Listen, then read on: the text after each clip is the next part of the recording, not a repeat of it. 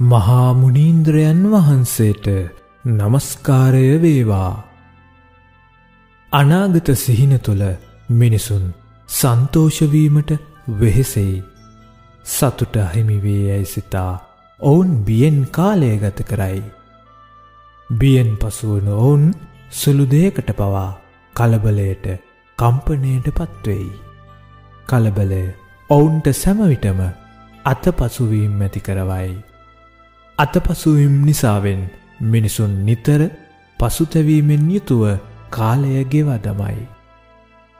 නමුත් සන්තෝෂය සොයායෑම අවසන් කළ මුනිවරු සැමවිටම ලෝක ධර්මයන් ඉදිරියේ අකම්පිතව වැඩ සිටිමින් ගැඹුරු ආධ්‍යාත්මීය නිහැඩියාවක පණිවිඩය ලෝවැසියන්ට දේශනා කරන්නෝය.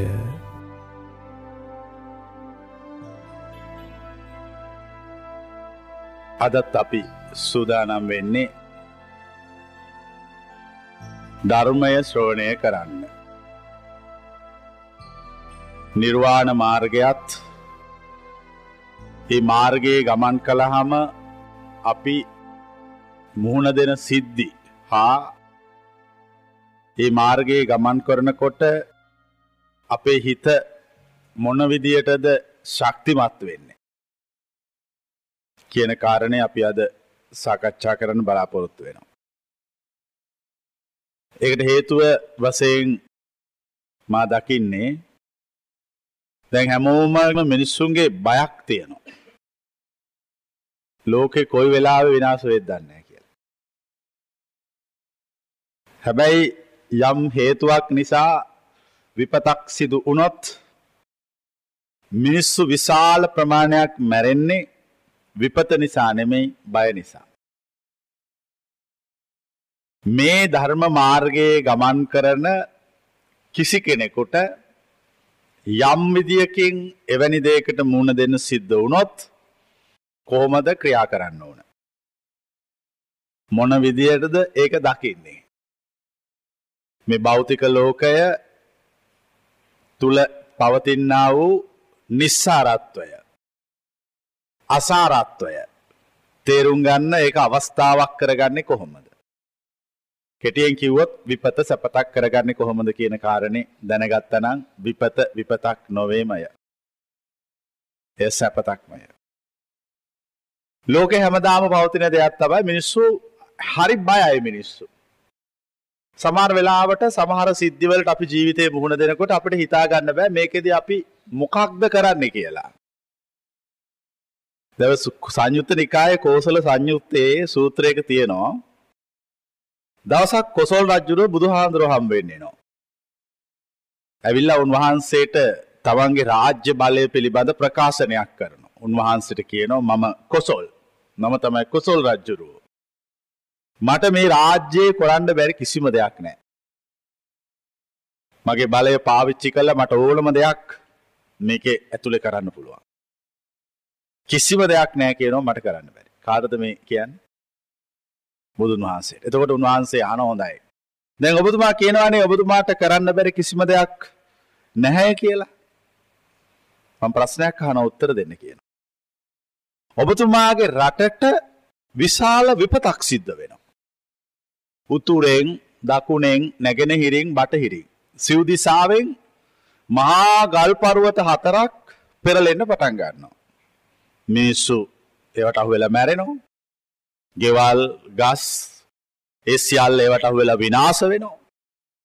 දැන් මේ විදියට සිද්ධ වෙනකොට ඔබ සියලු බලතල තියෙන රජ්ජුරු කෙනෙක් ලෙස මේ රටේ හතර පැත්තෙන් මිනිස්සු හතර දෙනෙක් ඔබ සොයාගෙන එනවා. උතුරෙන් එනවා දකුණෙන් එනවා නැගෙනහිරින් එනවා බටහිරින් එනවා. ඇයිල ඔබට කියනවා මහා විපතක් සිදුවෙන්නේ. මුළු රටම විනාසයි. ගලක් පෙරලීගෙන පෙරලීගෙන නවා. කොහොමද මොකද්ද දැන් ඔබ රජ ලෙස මේකට කරන්න කියලා ඒ මිනිස්සු ඔබෙන් අහනවා. එතකොට ඔබ මොකද්ද කියන්නේ කියලා. ඒ ආපු හතර දෙනාට. දැන් මේ ප්‍රශ්නය අහන්න ඕන රජුරුවන්ගෙන්නේ. ඇයි පඬිතකමට කිව්වනේ යාට කරන්න බැරි දෙයක් නැහැ කියලා. ඉතින් කරන්න බැරි දෙයක් නැහැ කිව්වනම් ඒකට උත්තර දෙන්න ඕන.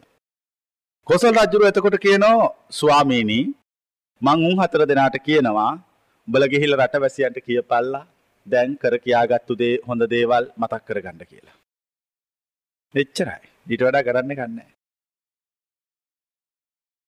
කොච්චර රාජ්‍ය බලය තියෙන කෙනෙකුට වුණත් විපතකදී තීන්දුවක් තීරණයක් කරගෙන එකට මුහුණ දෙන්න තේරෙන්නේ නෑ.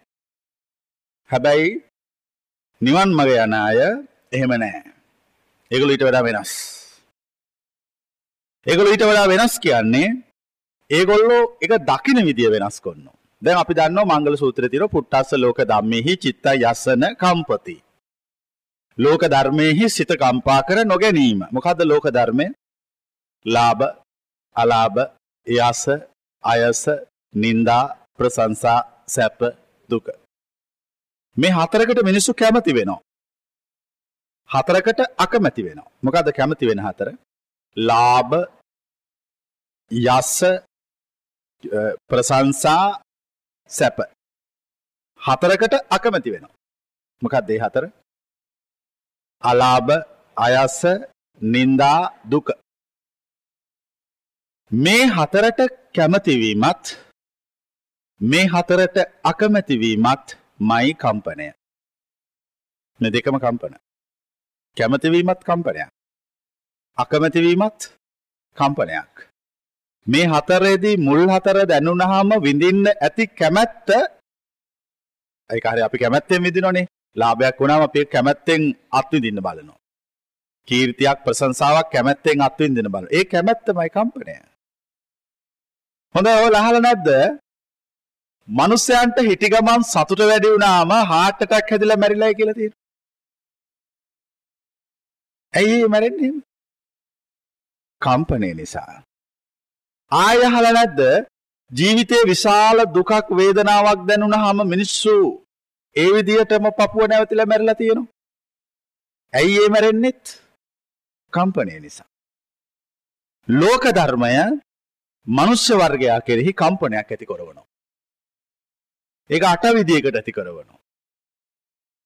හතරකට ඇති වෙන කම්පනය එක කම්පන විදියක් ඉතුරු හතරට ඇති වෙන කම්පනය තව කම්පන විදිය. කොහොමහරි ඇතුළාන්තය කම්පා කරවන.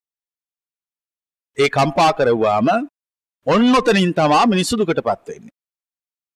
ඊට මේ මේ සමාජයේ ලෝකෙ මිනිස්සු ජීවත් වෙනකොට මිනිස්සු කුඩා කල සිට ඉගෙන ගත්තු දෙයක් තියෙනවා. අපිට දෙමව්පියෝ උගන්වනවා ලාභයක් උරාම සතුටු වෙන්න කියලා. සැපක් දැනුනාම සතුටු වෙන්න කියනවා.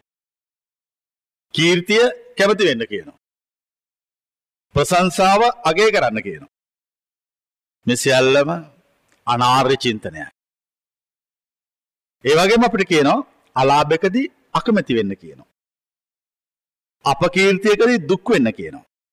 නින්දාවකදී පසුබසින්න කියනවා. දුකකදී හඬන්න කියනවා. එයත් අනාර්ය චින්තනයයි. මේ දෙකම වැරදි කියලා මා කිය. අපි කවුරු හරි ළමයෙක් අරගෙන ළමයාට පොඩි කාලේ ඉඳලා ඔකේ අනිත් පැත්ත උගන්වනවා. එතකොට මොකද්ද වෙන්නේ? එතකොට ඒ ළමයා ඔකේ අනිත් පැත්ත කරනවා. දැන් අපිට තේරෙනවා එහෙනම් මේ ලෝකේ බොරුවක් උඩ දුවනවා. මොකද්ද ඒ බොරුව? සම්ප්‍රදායිකව උගන්නපු දේ සත්‍යයි කියලා සිතාගෙන මිනිස්සු කටයුතු කරන්න යනවා. සම්ප්‍රදායිකව උගන්නපු දේවල් සත්‍යයි කියලා සිතාගෙන මිනිස්සු කටයුතු කරන්න යාමෙන් ඒ මිනිස්සුන්ට අගතියක් සිද්ධ වෙනවා. එමිසුට අයහපතක් සිද්ධ වෙනවා. නරකක් සිද්ධ වෙනවා. දැන් ඔය සම්ප්‍රදායිකව උගන්නපු එක සත්‍යය කියලා හිතන්නේ ඇයි? අපි ඉගෙන ගත්ත බොහෝ දේවල් තියෙනනේ. සතුටක් ඇති වුණාම සැපක් ඇති වුණාම සතුටු වෙන්න කියලා උගන්වලා තියෙනවා. එතකොට ඒකේ අපිට සතුටක් දැනෙන්නේ නැද්ද? ඈ? දැනෙනවා. කීර්තියක් ඇති වුණාම සතුටක් ඇති වෙනවා. මෙයාට ඒ කීර්තියක් ප්‍රශංසාවක් ලාභයක් මොකක් හරි සිද්ධියකදී සතුටක් දැනෙන්නේ නැද්ද? මං අහන්නේ කොහොමද දැනෙන්නේ කියලා. දැන් හොඳට කල්පනා කරලා මට උත්තරයක් දෙන්න. සැපක් ඇති වුණාම සතුටක් දැනෙනවා. කීර්තියක් ඇති වුණාම සතුටක් දැනෙනවා. ලාභයක් ඇති වුණාම සතුටක් දැනෙනවා. ප්‍රශංසාවක් ඇති වුණාම සතුටක් දැනෙනවා. මං අහන්නේ ඇයි කියලායි. නෑ. එකම කාරණයයි තියෙන්නේ. එහෙම දැනෙන්න. ඊට තවත් සංසන්දකයක් පවතිනවා. අනුව සතුටු වෙනවා. තවත් එහෙකට අනුව සතුටු වෙනවා. දැන් එතකොට අපි හොඳට ඥානවන්ත කෙනෙක් කල්පනා කරලා බලනවා අපි මේ මේ දේවල් වලට අපි සතුටු වෙනවා. මේ දේවල් වලට සතුටු වෙනවා කියලා අපි කරන්නේ තවත් දෙයකට සංසන්දකව සාපේක්ෂකව මේක දිහා මේක දිහා බලනවා. අපි සාපේක්ෂකව බලන්නේ නැත්තම් අපිට ඒ ගැන හැඟීමක් ඇතිවන්නේ නැහැ. ඊට පස්සේ අපි දුක් වෙනවා. දැන් දුක් වෙන්නෙත් මොකකට සාපේක්ෂකවද? ඔව් සතුටට සාපේක්ෂව හා ඊට කලින් ඇතිවෙච්ච දුකකට සාපේක්ෂව. දැන් අපි පාරේ යනවා. අපි දකිනවා මිනිස්සෙක් පාරේ වැටිලා මැරිලා ඉන්නේ. අපිට සියුම් දුකක් හිතට ඇති වෙනවා. ඊට පස්සේ අපි ටිකක් දුර යනකොට දකිනවා අපේ ඥාතියෙක් ඒ විදිහට පාරේ මැරිලා ඉන්නවා. දැන් මේ දුක මොකද්ද වෙන්නේ? ඈ? මාහනේ වැඩි වුණේ කියලා. මගේ නිසා. මට අයිති නිසා. දැන් ඔය මට අයිති කියලා කිව්වේ කවුද? සමාජය විසින් දෙමව්පියන් විසින් අනාර්ය චින්තනය විසින් ඔබේ ඇතුළට බස්සවල තියෙනවා ඔබේ ඥාතියා. ඇත්තටම එවැන්නක් නෑ. දැන් අපි හිතමු මෙහෙම. අපේ ළඟම ඥාතියෙක් ඉන්නෝ. හැබැයි එයා අපි කවදාකවත් දැකලා නෑ. එතකොට එයත් එක්ක අපි ගමන් බිමන් යනවා. එකට ජීවත් වෙනවා. ඒත් අපිට ඥාතියක් කියන හැඟීමක් ඇති වෙනවද? නෑනේ. අපි දන්නේ නෑනේ. ඊට පස්සේ අපි එයා ගැන දැනගන්න. එතකොට අපිට කවුරුහරි මේ ඔයාගේ අහවල් එක්කන මෙයා ඔයාගේ මල්ලි හරි අයියා හරි මොකක් හරි කියලා කියනවා. කිව්වාම නේ හැඟීම ඇති වෙන්නේ. එහෙනම් මේ සියල්ල මොනවද? මේ සියල්ල මානසිකයි. මේක निराවුල් මනසින් තේරුම් ගන්න කෙනා මේ දුක නිවනවා. මේක හරියාකාරව අවබෝධ කරගන්න කෙනා සංසාරයෙන් ගැලවෙනවා. එහෙම නැති කිසි කෙනෙක් සසරින් නිදහස් වෙන්නේ නැහැ. ගැලවෙන්නෙත් නැහැ. සංසාර විමුක්තියට පත් වෙන්නේ. මේ ධර්මතාවය निराවුල්ව වටහා ගන්න ඕනේ. ඒක වටහා ගන්න එක ටිකක් ලේසි නෑ. ඒක වැටහෙන්නේ සීමිත පිරිසකට විතරයි. ඒක මේ විශාල පිරිසකට වැටහෙන ධර්මයක් නෙමෙයි. මේ ධර්මයේ වැටහෙන්නේ කුඩා කොටසකට. ඒ කොටස හැබැයි සමාජයේ සිටින ඉහළම ඥානවන්තයෝ. සමාජයේ මිනිස්සු සත්‍ය සොයන්නේ වචනවලට සාපේක්ෂව. බොහෝ දෙනෙක් දැක්කම මේගොල්ලෝ වචන වලින් සත්‍ය සොයනවා. ඒ වචන වලින් සත්‍ය සොයන නිසා තමයි සත්‍ය කියන සමහරු සත්‍යය කියලා කියන සමහරු වචන අල්ලගෙන විස්තර කරන්නේ. එතකොට පරම සත්‍ය කියන එක වචන වලින් කියන්න පුළුවන් එකක් නෙවෙයි. ඒකට වචන නැහැ. වචනවල සත්‍ය නැති බව දන්න කෙනා වචන වලින් කියන්න බැරි එකක් සොයනවා. වචන වලින් සත්‍යයක් සොයන කෙනා හැමතිස්සෙම වචනවලට අහු වෙනවා. හැබැයි වචනවලට අහු වුණාම වෙන සිද්ධියක් තියෙනවා. එයා ඒ වචනත් එක්ක වැඩි කල් ඉන්නේ නැහැ. එයාට ටික දවසක් ඉන්නකොට තේරෙනවා මේක තවත් එකක් විතරයි. මොකද එයාට මොකක්වත් සාක්ෂාත් වෙන්නේ නැහැ. සාක්ෂාත් වෙන්නේ නැති වුණාම එයා ඒක අත්හරිනවා.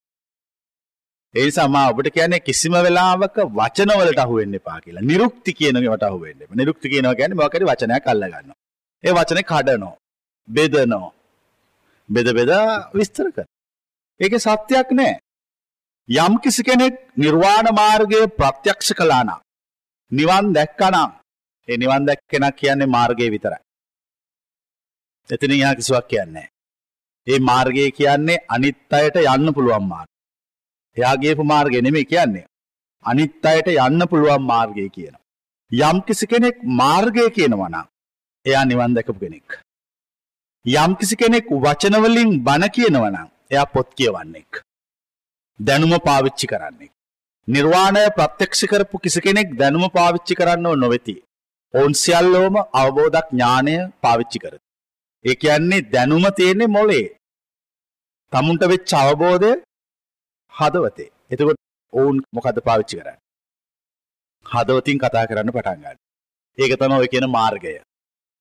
දැන් මේක බොහොම මේ निराවුල්ව තේරුම් ගන්න ඕන නැත්නම් ලොකු පටලැවිල්ලකටපත් වෙනවා.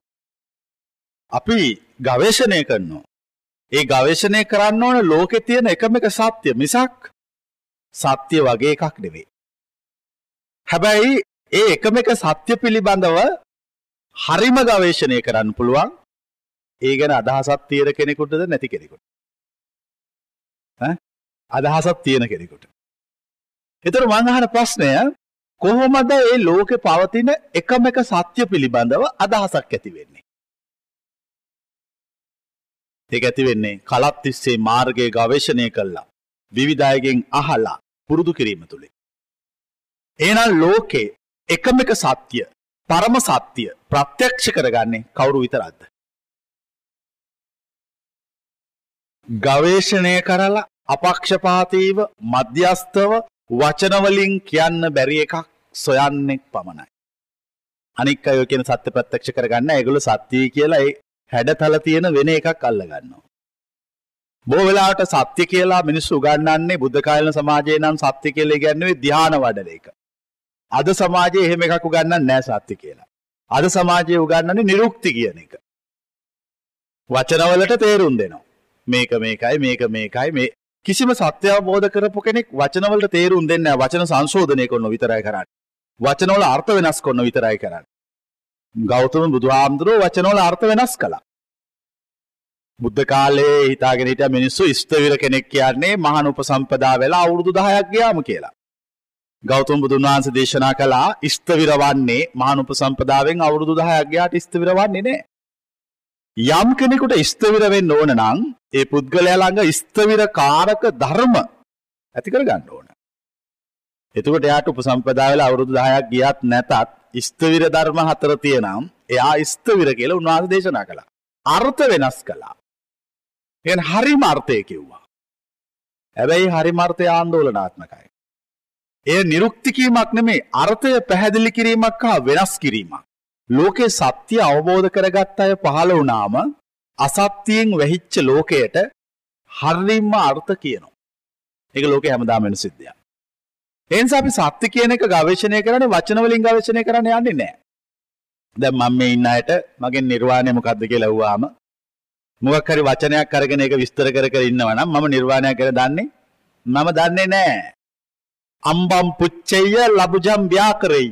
ලබුජම් පුච්චෙය අම්බම් ව්‍යාකරෙය. අඹ ගැන ඇහුවාම දෙල් ගැන කියනවා. දෙල් ගැන ඇහුවාම අඹ ගැන කියනවා.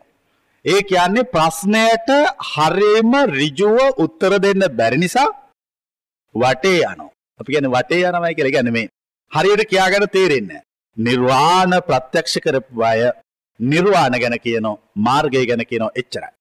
වෙන මුකුත් කියන්නේ වෙන මුකුත් කියලා වැඩක් නැහැ. ඒ කියන කිසි දෙයකින් ওই මාර්ගය ප්‍රත්‍යක්ෂ කරලා අවසන් කරන්න බෑ.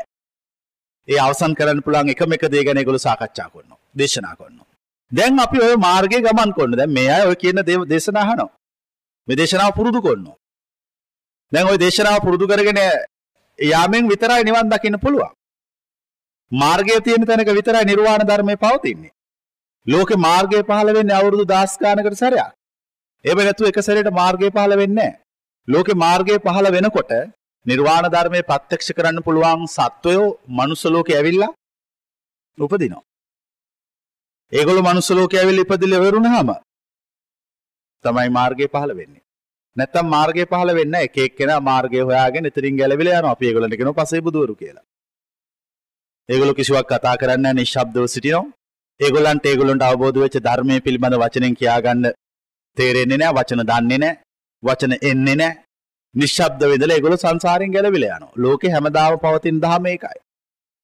හැබැයි ලෝකෙක සැරේටම කාලෙකට ඔය මාර්ගය ප්‍රත්‍යක්ෂ කරපු අය අර මේ සමහර හතු පිපෙනවනේ. හීන් වැලි හතු ගැන අහලා නැද්ද? තනියෙන්ද පිපෙන්නේ ගොඩක්ද පිපෙන්නේ? ගොඩ එක එකට පිපෙනවා.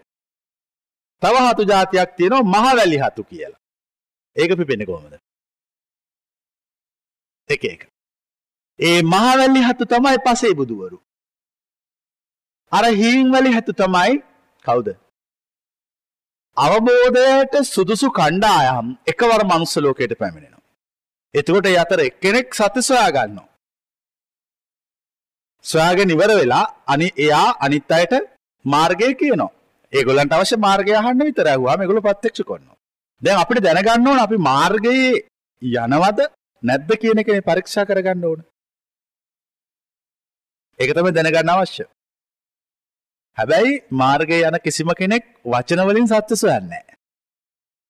ඒගොල්ලෝ වචන ප්‍රතික්ෂේප කළා හදවතට හිතට දැනෙන දහමක් එක ජීවත් වෙන්න පටන් ගන්නවා. ඇත්තටම පරමසත්‍යය දැනෙන්නේ හදවතට හිතට. ඔබේ මාර්ගය තියෙන්නේ ඔබ ළඟ.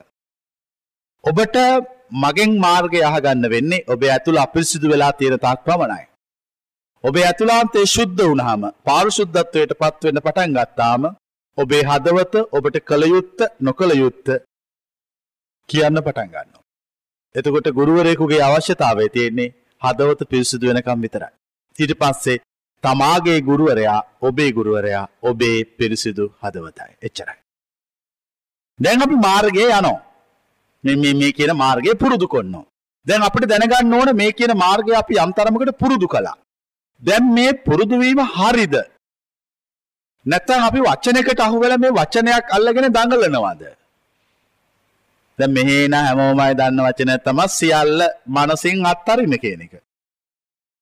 දැන් මම ඕක කියන්නේ ඇයි? සියල්ල මනසින් අල්ලගත්ත මිනිස්සු ඉන්න නිසා.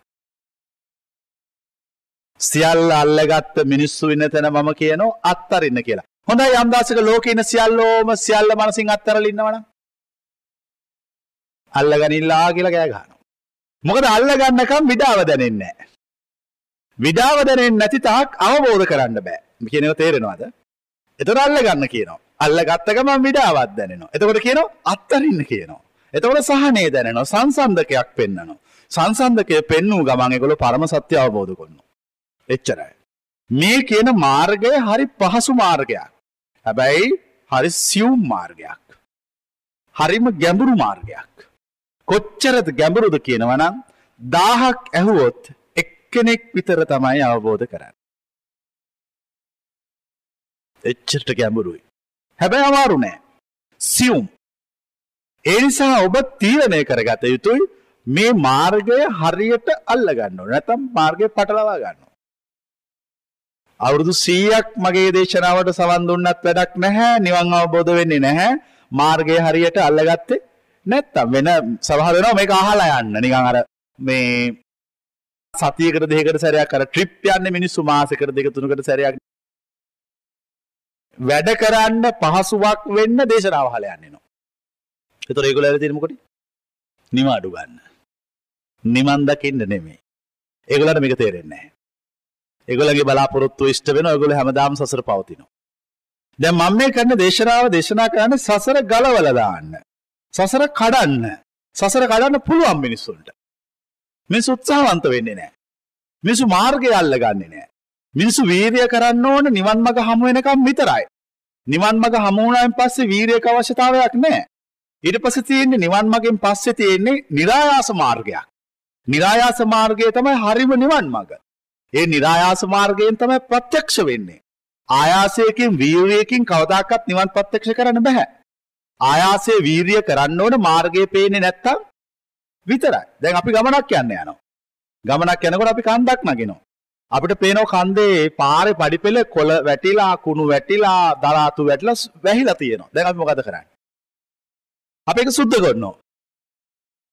අපි දැන් පාර වැහිලානේ කොළාතු වලින් තියෙන්නේ. කොතන වෙනකන් සුද්ධ කරනවද? පාර පැහැදිලි වෙන තැන දක්වා සුද්ධ කරනවා.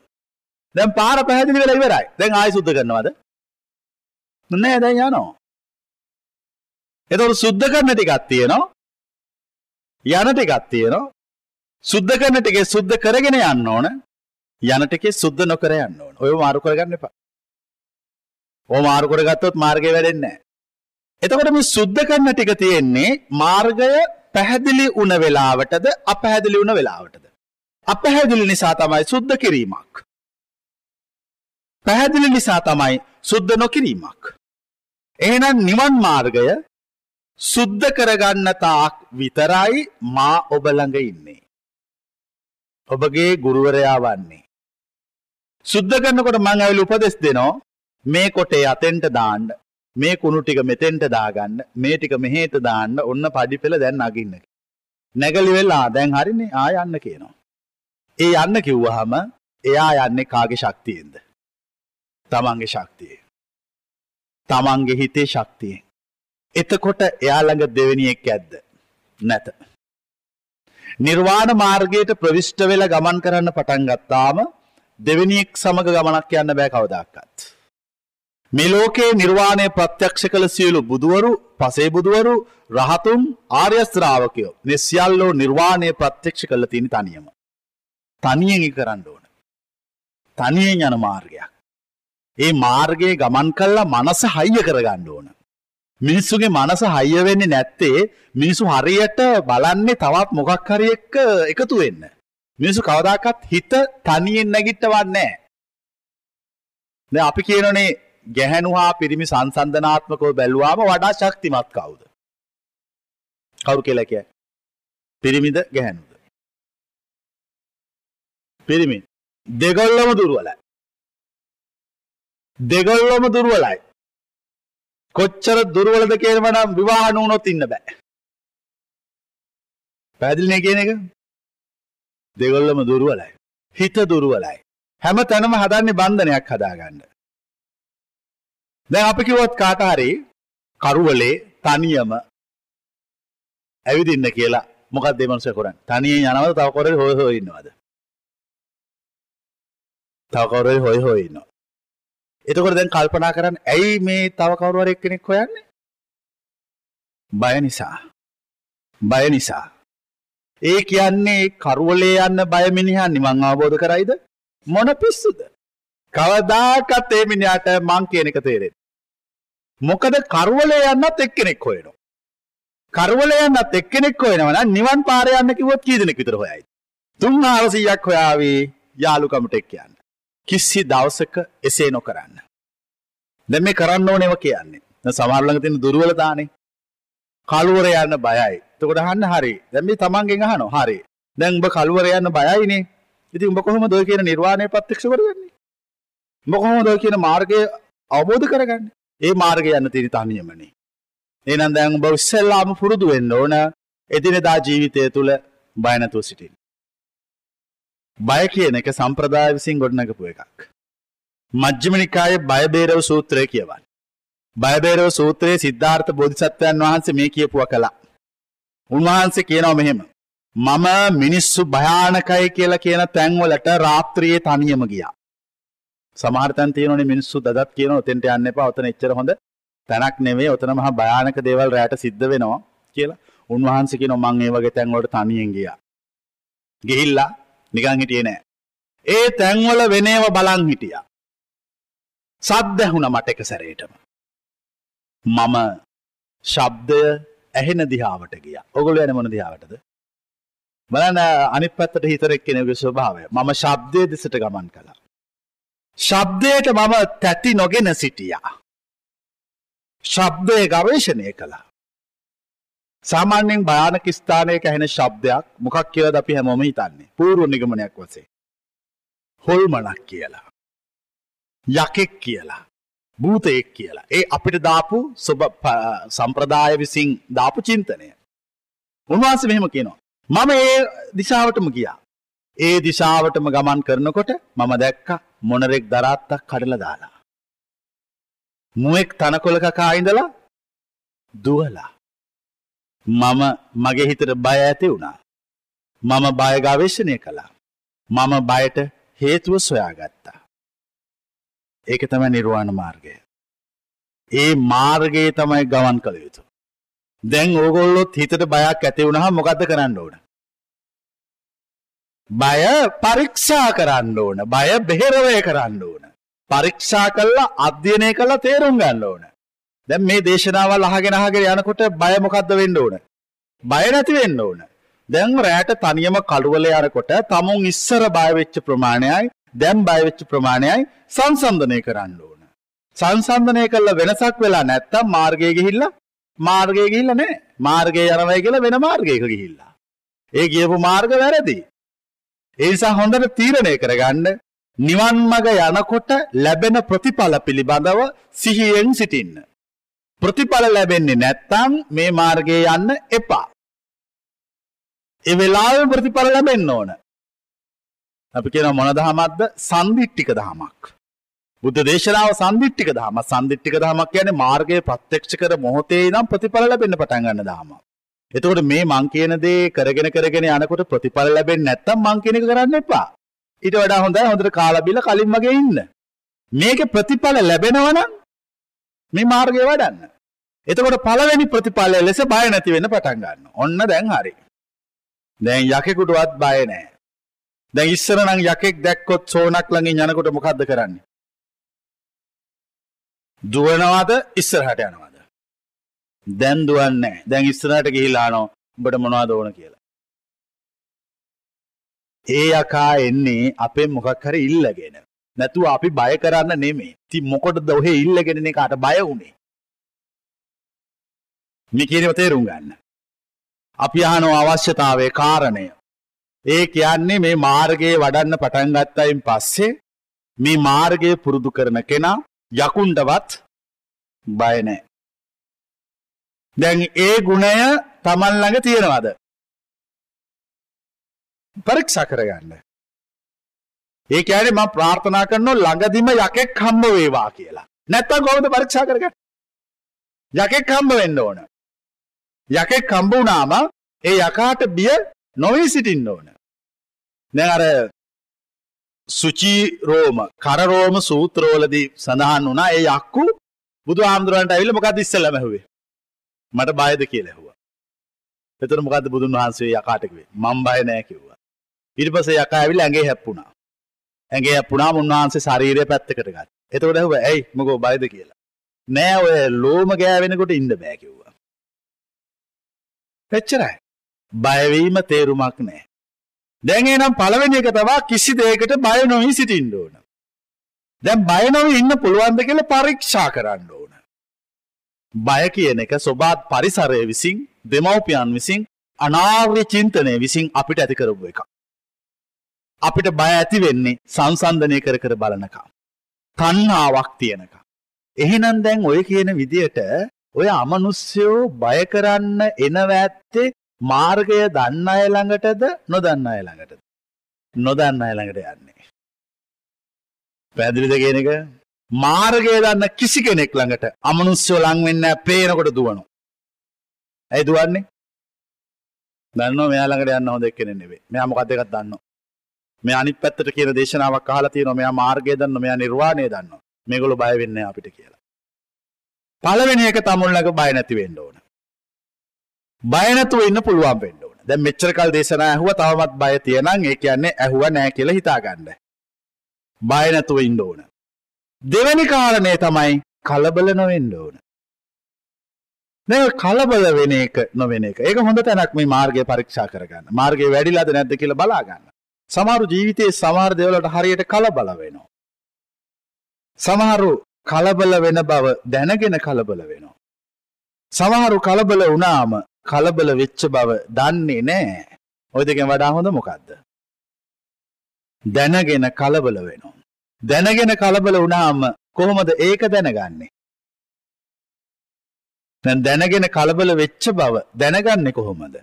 කලබල වීම ඉක්මනට නැති වෙලා යනවා. ඒකෙන් තමයි දැනගන්නේ මම කලබල වුණා කලබල වෙච්ච බව මම දැනගත්තා ඒ නිසා ඒක නැති වුණා. කලබල වෙච්ච බව නොදැනගත්තොත් ඒ කලබල බව දන්නැතුව තියෙනවා. විශාල අවුලක් ඇති කරගන්න. ගැටලු ඇති කරගන්න. ප්‍රශ්න ඇති කරගන්න. අපි හිතමු හෙට හරි අනිද්ද හරි නිකං කියන මොකක් හරි සුනාමියක් එනවයි කියලා. නැත්තම් මොකක් හරි උල්කාපාතයක් වැටෙනවයි කියලා. මේ අය මොකක්ද කරන්න.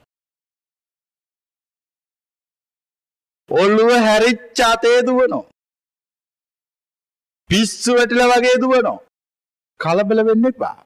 එන්නේ කොහේටද. කොයි පැත්තර දේ කියනවා කියලා කියන්නේ. කලබල නැතුව ටිකක් නිශ්චල වෙල ගවේශණය කරන්න පටන් ගන්න. ඉස්සල්ලම විපතක් කියලා දැනගත්තාම පොඩ්ඩක් වාඩි වෙලා කල්පනා කරන්න මොකක්ද කළ යුතු කියලා. ඔබට විපතකදී කලබල නොවී සිටින්න පුළුවන් නම් ඔබ මාර්ගය වඩලා. අංගුත්තරනික චතුක්ක නිපාතේ ටාන සූත්‍රයේ ගෞතම බුදුන් වහන්සේ දේශනා කරන කාගේ හරි ශක්තිය මැනගන්න ඕන නම් මොකද කරන්න ඕන? එයා විපතකට මුහුණ දෙන විදිය හදිස්සි අවස්ථාවකදී ක්‍රියාත්මක වෙන විදිය නිරීක්ෂණය කරන්න. එයාටත් නිරීක්ෂණය කරන්න පුළුවන් නැත්නම් එළිය ඉන්න කෙනෙකුට නිරීක්ෂණය කරන්න පුළුවන්.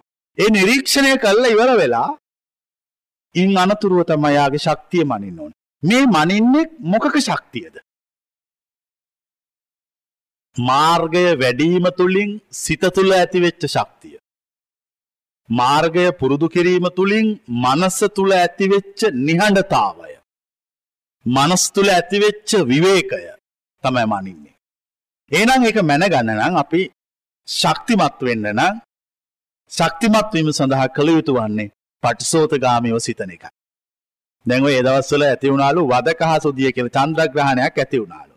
එතකොට සමහර ජෝති ශාස්ත්‍රඥයෝ කිව්වලු ඔය වෙලේට වදක හා තලල බිව්වතින් සුදු වෙනවයි කියලා. මුළු ලංකායම මිනිස්සු ඉස්පිරිතාලවල් වල පිරිලගියාලු. මොනෝ නිසාද වද කහබීලා. එතකොට මේ චන්ද්‍රග්‍රහණ නිසා නෙවේ ඉස්පිරිතාලවලට ගියේ වද කහ නිසා. මිනිස්සු කලබල වෙනවා. මිනිස්සු හදිසි තීරණ ගන්නවා. ඒ තීරණ ගත්තුවගේ විපාක ලක්ෂ ගානකට විඳින සිද්ධ වෙනවා. හැබැයි යම් කිසි කෙනෙක් මම මේ කියන මාර්ගය හරියට ශ්‍රවණය කොළොත් ඒ කිසි කෙනෙක් කිසිම විපතකදී පොඩ්ඩක්කත් කලබල වෙන්නේ. නිශ්ශබ්ද වෙනවා. නිශ්ශබ්ද වෙල කළ යුතු දේ කරනවා. තේරුමක් නැතුව කලබලවීම තුළින් සිදුවන්නේ විපත දෙගුණවීම මිසක් අඩුවීමක් නොවේ. එක තේරුම් ගන්න ඕන. දැන් ඕගොල්ල කොච්චර මේක අහගෙන ඉන්න හොඳට වාඩි වෙලා හැබැයි විපතක් වෙච්ච ගමන් මොකද්ද වෙන්නේ? කලබල වෙනවා නම් ඒ කියන්නේ මාගේ වචන අසා නැත තවම ඔබ. ඉස්සල් නිශ්ශබ්ද වෙන්න. ජීවිතේ වෙන්න තියෙනම් ඒ වෙන්න තියෙන දෙයක් කාටවත් කිසිම හේතුවක් නිසා වළක්වන්න බෑ. ඒ ධර්මය ඉස්සල පිළිගන්න. මරණය කියන එක උදා වෙන්නේ අපිට ඕන වෙලාවට නෙමෙයි. ලියවිලා තියෙන වෙලාවට. ඒ ලියවිච්ච වෙලාව අපි කිසි කෙනෙකුට වෙනස් කරන්නත් බෑ. ඉතින් එහෙනම් මොකටද ඔච්චර දඟලන්නේ? මොකටද ඔච්චර ආරක්ෂා වෙන්නේ? ඒ ධර්මයේ කවුරු හරි කෙනෙක් පිළිගන්නවා නම් මැරෙන්නේ අපිට ඕනලාත් නෙමෙයි මැරෙන්න ඕන වෙලාවට කියන එක දන්නවනම් මොකට දොච්චර ආරක්ෂා වෙන්නේ මොකට දොච්චර දඟලන්නේ. නිදහසඉන්න. මරණය තියෙන් අරන්න. එයද සිද්ධියක් ලෙස දකින්න. විපත්තට මුහුණදීමෙන්මයි මිනිෙකුගේ ශක්තිය මැන ගණ්ඩෝන. හදිස්සි අවස්ථාවකට මුහුණ දෙන විදිියමයි ඒ මනුසයාගේ ඇතුලාන්තේ තියෙන්න්නා වූ මානසික ශක්තිය. හදිසි අවස්ථාවකට කලබල නොවී මුහුණදීමට ඇති හැකියාවමයි ඔබ වඩපු නිවන් මග වෙන එකක් නෙවෙයි. ඒ නිසා ඔව ඇතිවෙන එක හොඳයි. ඕ ඇතිවල ඉවරුණහම ලෝකෙ ඉතුරු වෙන කවුදු කවුරු විතරද. විශාල විපතක් සිද්ධ වුණොත් ලෝකෙ අන්තිමට ඉතුරු වෙන්නේ මාර්ගය වඩපු අය විතර. තෙරණද කියන එක වෙන කිසි කෙනෙක් ඉතුරු වෙන්නේ. ඇයි ඉතුරු නොවන්නේ. බයට මැරෙනවා. බයට මැරෙනවා. තැති ගැනීමෙන් මරණයට පත්. තැති ගැනීමෙන් මරණයට පත් නොවන්න බයට නොමැරෙන්න කළ යුතු දේ තමයි මරණය පිළිගන්න. මැරෙන බවත් මැරෙන්න වෙලාවක් ඇති බවත්. එය වෙනස් කළ නොහැකි බවත් පිළිගන්න ප්‍රශ්නය ඉවරයි. මිනිස්සු මැරෙන්න බයවුනෝතින් තමයි කලබල වෙන්නේ. රහතන් වහන්ස කෙනෙක් මේ මාර්ගය ප්‍රත්‍යක්ෂ කළ කිසි කෙනෙක් ඕනුවට වඩා මරණ ඉස්සරහ කලබල වෙන්න නිශ්චල වෙනවා. ඔගොල ඕගලන්ගේ ජීවිතයත් අලුත් පැත්තක්. වෙනස් පැත්තක්. අලුත් විදියක්. නව විදියක් දකින්න උත්සාහවන්ත වෙන්න. ඒ උත්සාහවන්ත වුණොත් තමයි ජීවිතය යහපත් නිවැරදි හොඳ මාවතකට පත්වෙන නැතන් ජීවිතය මේ තේරුමක් නැති දේවල්වලට මුහුණ දෙනවා. කලබල කරගන්න. සමාටේ කලබලයෙන් නිසා තමන් විතරක් නෙමේ තව විශාල පිරිසකට හානි සිද්ධ වෙනවා. ඉස්සෙල්ලම ඉගෙන ගන්න බය නැතුව ඉන්න දෙවනුව ඉගෙන ගන්න කලබල නොකර ඉන්න. තුන්වැනුව ඉගෙන ගන්න විශ්ලේෂණය කරන්න හතරවැනුව උත්තර දෙන්න. විපතකට මුණ දෙනකොට ඔය හතර කෙනෙක් ළඟ තියෙනං එයා ඒ සියලු විපත්ති දිනනවා. පළවෙනි එක බය නැතුව ඉන්නවා දෙවෙනි එක කලබල නොවී ඉන්නවා තුන්වෙනි එක විශ්ලේෂණය කරනවා හතරවෙනි එක මූුණ දීලා උත්තරයක් දෙනවා. චරයි. මේ හතර තියෙන්ඩ ඕන. බයනැතුව ඉන්න පුළුවන් වෙන්න ඕන පළවෙනි කාරණය බය වුණොත් පොඩ්ඩක් හරි ඒ බයවීම තුළ ඇතිවන්නේ විපතක් විනාසයක් සිද්ධ වෙනවා. දෙවැනි එක කලබල වෙන්න එපා පොඩ්ඩක්කත්. දැන් හැබැයි දැන්නම් ඉතින් ඕවා හොඳට අහගෙන ඉන්නෝ ලියා ගන්නෝ. හැබැයි ඕවා ලියවෙන්න ඕන පොතේ නන් නෙවෙයි. ඕවා ලියවෙන්න ඕන හිතේ. ලියවෙලත් මදි. ඒක ලියවෙන්න ඕන දියේ ඇඳි ඉරක් ලෙස නොව ගලෙහි කෙටු අකුරක් මෙන් ලියවිය යුතුයි. එතකොට ඔබ දිනු. බය වෙන්නේ නැහැ, කලබල වෙන්නේ නැහැ. දැන් කලබල වෙන්නේ නැති නිසාමයි ප්‍රශ්නය විශ්ලේෂණය කරන්නේ. අපිට කවුරු හරි ඇවිල්ලා කියනවා තව සුළු මොහොතකින් තව විනාඩි 10කින් විශාල භූමිකම්පාවක් සිද්ධ වෙනවා කියලා. මොකද අපි කරන්නේ? පළවෙනි කාරණය බය නැතුව සිටිනවා. දෙවෙනි කාරණය කලබල නොවී සිටිනවා. තුන්වෙනි කාරණය කළ යුත්ත නොකළ යුත්ත විශ්ලේෂණය කරනවා. හතරවෙනි කාරණය උත්තර දෙනවා. ඔච්චරයි. මෙච්චරයි කරන්න ඕන. මේ හතර කළොත් මේ අයට එක්කෙනෙකුටවත් විපතස් සිද්ධ වෙන්නේ. හැබැයි නොකොළොත් විපතස් සිද්ධ වෙනවා. දැන් මේ වෙලා වෙනකොට ලෝකෙම නිකම් මොකක්ද වෙලා වගේ තියෙන්නේ. ලෝකෙ ධනවත්ම රට ඇමරිකාව. ඇමරිකාවම් බය වෙලා. ලෝකයේ මොකක් දෙකක් වෙන්න හදනවදෝ කියලා මටත් නිකං හිතෙනවා. හැබැයි අපි ඒ ගැන හොඳට දැනගෙන හිටියොත් කිසිම ප්‍රශ්නයක් වෙන්නේ නෑ. සුබාදහම කාලෙන් කාලෙට විපත් ඇති කරවනු. විපත් ඇති කරවලා මාර්ගය නොදන්න අය සුද්ධ කරනවා. ඒක කරන එක ඒක අපිට මුකුත් ඒක පාලනය කරන්න පුළුවන් එකක් නෙමෙයි කාලෙන් කාලෙට එම් සිද්ධ වෙනවා යුග පරිවර්තන සිද්ධ වෙනවා. මිනිස්සුගේ කොහොමත් බයක් තියෙන 2012 ලෝක විනාශයක් වෙනවා කියලා දැන් කාලයක් තිස්සේ තියෙන කතන්දරයක්. දෙදස් දොල විතරන්න මේ දහතුනත් වෙන්න පුළුවන් ඒක ආසන්නේ වෙන්න පුළුවන් ඒ නිසා අපිට ඒක උනත් නොනත් අපිට ප්‍රශ්නයක් නෑ අපි ඉගෙන ගන්න ඕන ඕනම ප්‍රශ්නයකද? අපි හිතමු ගෙදර කෑමෝ යන්න ගියාම මේ ගෑස් එක ගෙනි ගත්තා. මොකද කරන්න? පළවෙනි එක. බය වෙන්නේ නෑ. බය වුණොත් ප්‍රශ්න ඉවරයි ඔක්කොම. පළවෙනි එක බය වෙන්නේ නෑ. දෙවෙනි එක කලබල වෙන්නේ නෑ. තුන්වෙනි එක. විශ්ලේෂණය කොන මොකක්ද මන් දැන් කරන්න ඕන? හතරවෙනි එක කරනවා. ගෑස් එක ගිනිගත්තා වටපිට කිසි දෙයක් බලන්න නැතුව තිබ්බ භාජනයක මොනවද ගැහුව ගහලා තින බලනකොට පොල්තේ. ඇයි ඒක උනේ බය වුණා කලබල වුණා විශ්ලේෂණය කළේ නෑ වතුරද පොල්තෙද්ද කියලා බැලුවේ නෑ. දැන් තේරෙනවද මේ වරදින තැන හරි පොඩි තැනකින් ජීවිතේම වරදිනවා. විශ්ලේෂණය කරන්න ඕන. විශ්ලේෂණය කළි වෙලා උත්තරේ දෙන්න ඕන. එතකොට ඒ උත්තරේ හරියටම හරි. ඕනම කෙනෙකුගේ ජීවිතයකට විපතක් ඇති වුණාම ඒ විපතදී කටයුතු කළ යුතු සතරාකාරයක් තියෙනවා. මේ සතරාකාරය පුරුදු කරගන්න ඕන. මේ සතරාකාරය කාටවත් පුරුදු කරන්න බෑ. මේ සතරාකාරය පුරුදු කරවන වෙන වක්්‍ර ක්‍රමයක් මම කියන්න. ඒ තමයි මාර්ගය වැඩීම. නිවන් මග වැඩීමෙන් මේ හතර ඉෂ්ට සිද්ධ වෙන. එම නැතුව මේ හතර කිසි කෙනෙකුට පුරුදු කරවන්න බෑ. මේ හතර උගන්වන්න පුළුවන්. මේ හතර ක්‍රියාත්මක වෙන ප්‍රායෝගික ක්‍රමවේදය තමයි පටිසෝතගාමී චින්තනය. අනුසෝතගාමී චින්තනයක් තියෙන මනුස්සෙක් හැම වෙලාවකම බලන්නේ භෞතික සම්පත් ආරක්ෂා කරන්න. හා තමන් ආරක්ෂාවෙන්. ඒ දෙක කරන්න යෑම ඒ මනුස්්‍යයාගේ විනාශයයි. ඒ අදහස නැතුව ඉන්න අය තමා ලෝකෙ හැමදාම ආරක්ෂා වුණේ රැක්කුණේ. එනිසා මතක තියාගණ්ඩ ඕන නිවන් මග අනිත් පැත්තට සිතන්න ඕන. කිසිම වෙලාවක ජීවිතය කිසිම දේකද කලබල වෙන්න එපා. ඉවසන්න. හොඳට ඉවසන්න. දැ සමහරුගෙන අපට ඉවසීමට සීමාවත් තියෙනවයි කියලා. කො මෙහෙත් ඉන්නවාද හෙමයි. අපිට සීමා නෑ. සීමා තියෙනතා කල් බුද්ධත්වයට පත්වයෙන හැක. සීමා නැතිවුන්ම බුදුවෙයි. සීමා ඇතිවුම් අපායටයයි. දෙකයි. කැමති තැනකට යන්න පුළුවන් සීමාවක් ඕන්නම් තියාගන්න නැත්තම් අයක. සීමාවක් නැතුව සිටින්න. එහෙම සිටියොත් ඔබ ජීවිතය වාසනාවන්ත වෙනවා. නැත්නම් ජීවිතය අසාර්ථක වෙනවා. මේ දේශනාව කොච්චර අහුවත් වැඩක් නැහැ මේ කියපු කාරණා හොඳට ඇතුලේ තැම්පත් වෙන්නේ නැත්තම්. මොකක් හරි දෙයකට බය වෙනවා නම්, තැති ගන්නවා නම්. මිනිස්සු හැමතිස්සෙම බයෙන් ඉන්නේ.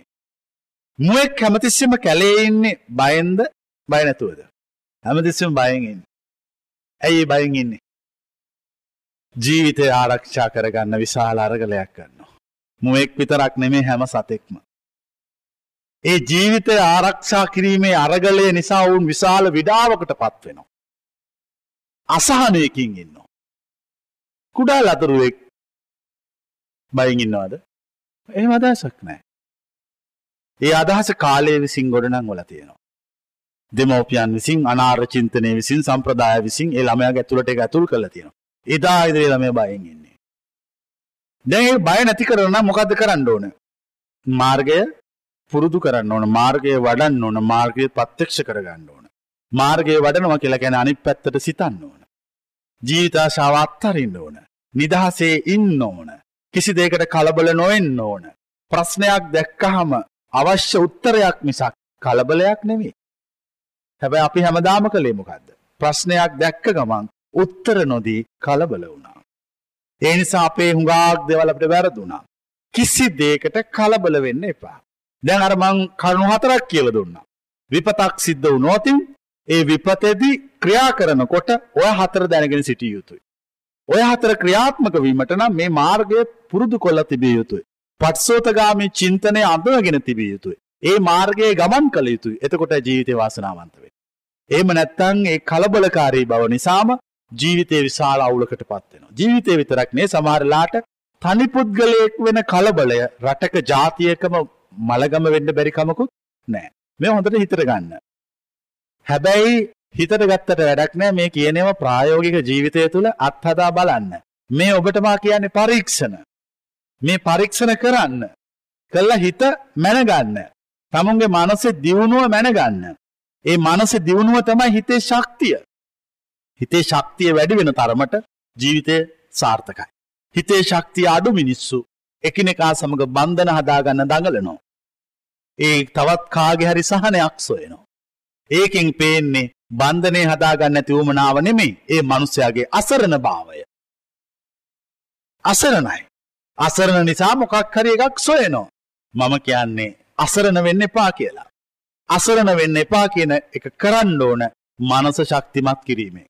මනස ශක්තිමත් කරන්න ඕන විපත්වලට මුණදීමේ. අපි හැමෝගෙම තියෙන නරක පුරුද්දත් තමයි විපතක් වෙනවා කිව්වම බයයි. මං කියන්නේ අපේක්ෂා කරන්නේ කියලා. මැරෙනවා කිව්වම හරි බයයි මිනිස්සු. සමහර මිනිස්සු කියනවා අප්පා නරක කතා කියන්නත් එපා. ඒක තමයි ලෝකේ තියෙන හොඳම කතාව හා වෙන කතාව. අනික් සියලු කතා නරක කතා නොවන කතා. මේ කියන එක තේරුම් ගන්න අනිත් පැත්තට හිතන්න. ඒ වෙන කතාව. මොකක්ද ඒකේ තියෙන විශේෂය? අපි ඒක බලෙන් තල්ලු කරන්න හදනවා. ඒ වුණාට තල්ලු කොච්චර තල්ලු කළත් ආයාසයෙන් අපි ළඟට ඒක එනවා. ඒක මෙනවා.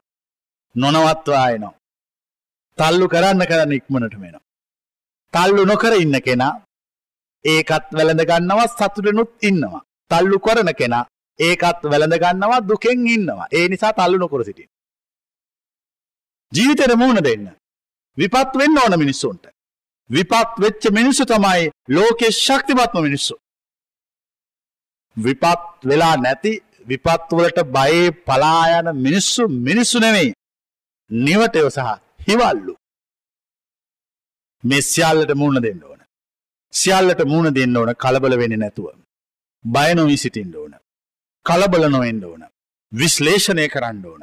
මුහුණ දෙන්න ඕන උත්තර සොයන්න ඕන. ඔය ටික කොළොත් ඔබ ජීවිතය දෙනු. ඕක කුස්සියට ඉඳලා ලෝකෙටම සාධාරණ නීතියක්. තමුන්ගේ කාමරයෙන් පටන්ගත්තාම ලෝකය කියන එකටම සාධාරණ වෙච්ච ධර්මතාවයක්. ඕනම මනුෂ්‍යයකුට කලබලකාරී අවස්ථාවක හැසිරිය යුතු පිළිවෙලයි ඔය. ඒ සියලු දෙනාම මාර්ගය වඩලා තියෙනම් ඒගොලො කිසි දේකට කම්පාවෙන්නේ නෑ. අනික අපිතෝ මේ හිටිය ගම මේ කොංක්‍රීට් එක ඩෝංගාල පුපුරල යනවා. කලබල වැඩක් තියෙනවද? පුපුරල ඉවරයිනේ. පුපුරල ඉවරයි.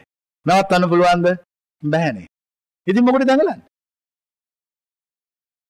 මං කියන එක තේරෙන්නේ නැද්ද?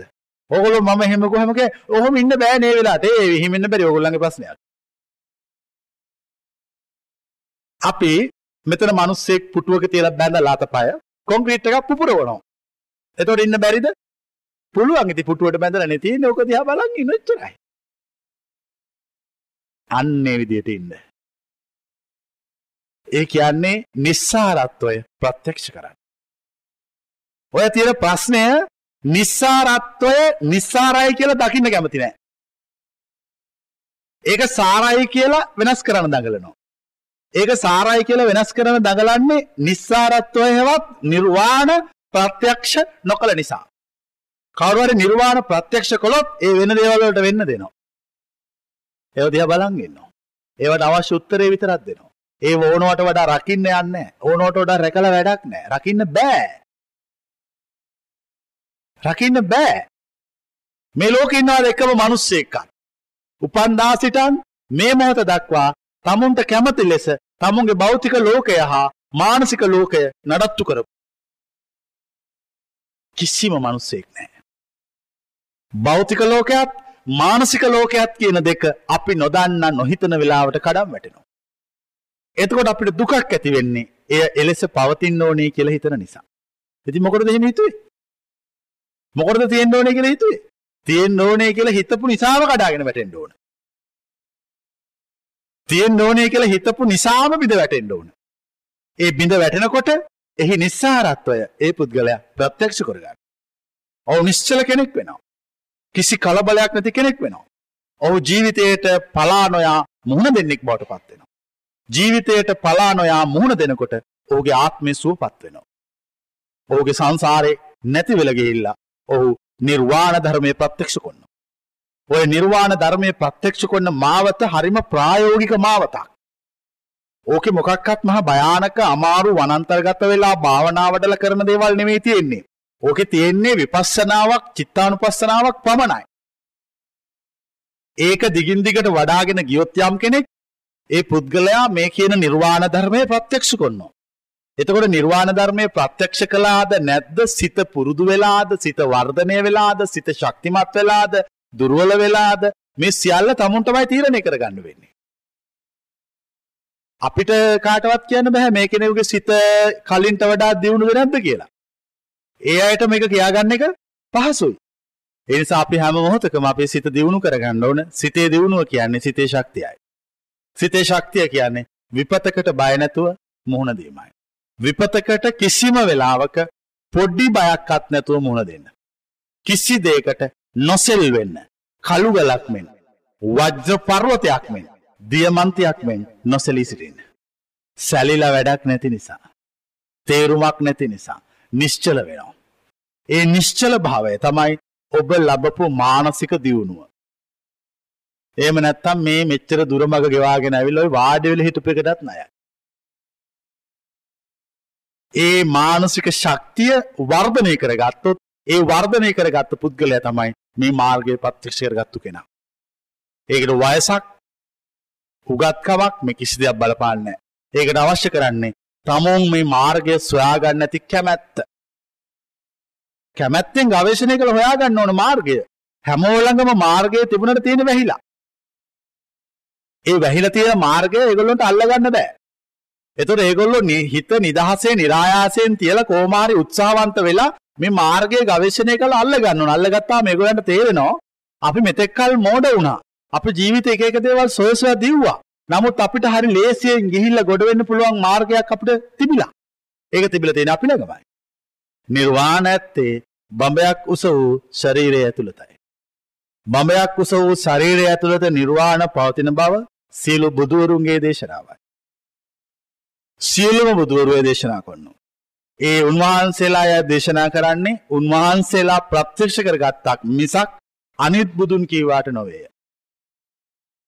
ඕනම කෙනෙකුට නිර්වාණ ධර්මය ප්‍රත්‍යක්ෂ වුණොත් ප්‍රත්‍යක්ෂ වන්නේ එය තමා තුළ පවතින්නා වූ දහමක් ලෙසයි. අපි උත්සාහ කළ යුතු වන්නේ විපතකට මුහුණ දීලා සිත ශක්තිමත්ව තියාගන්න.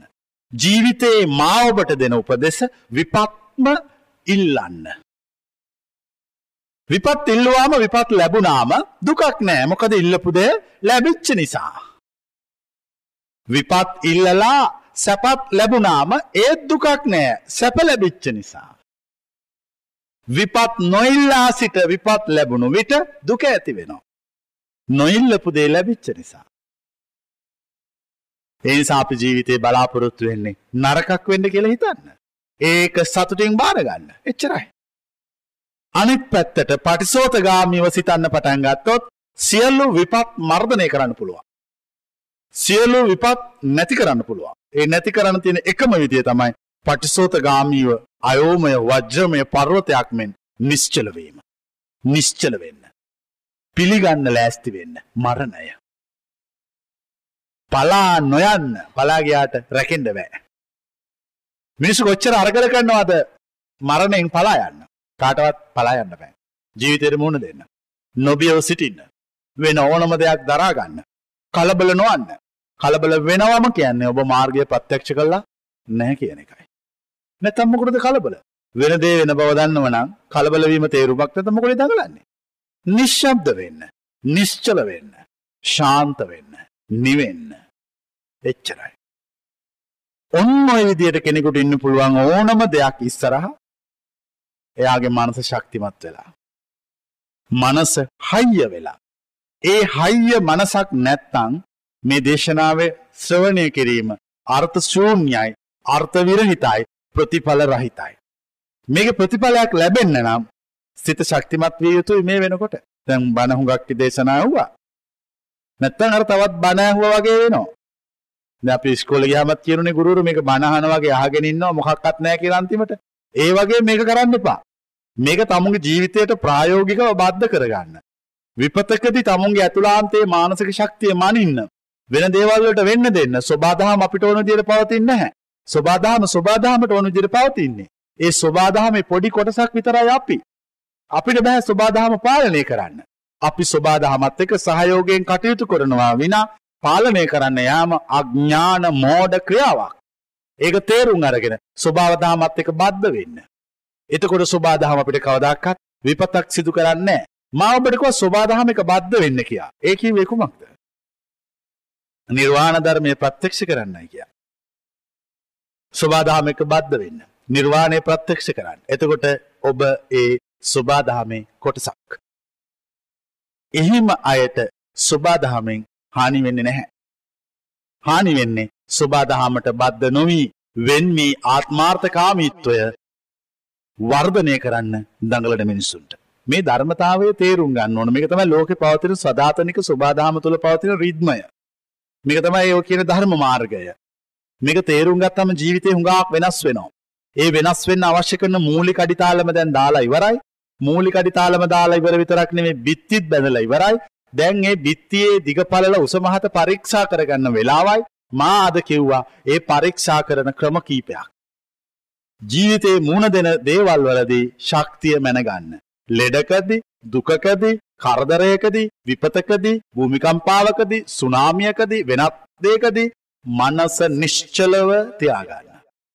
කලබල වෙලා වැඩක් නෑ. නිස්සාරයි. තේරුමක් නෑ. කළ යුතු බයවෙන්නේ නැතුව කලබල වෙන්නේ නැතුව විශ්ලේෂණය කරලා මුහුණදීම පමණයි.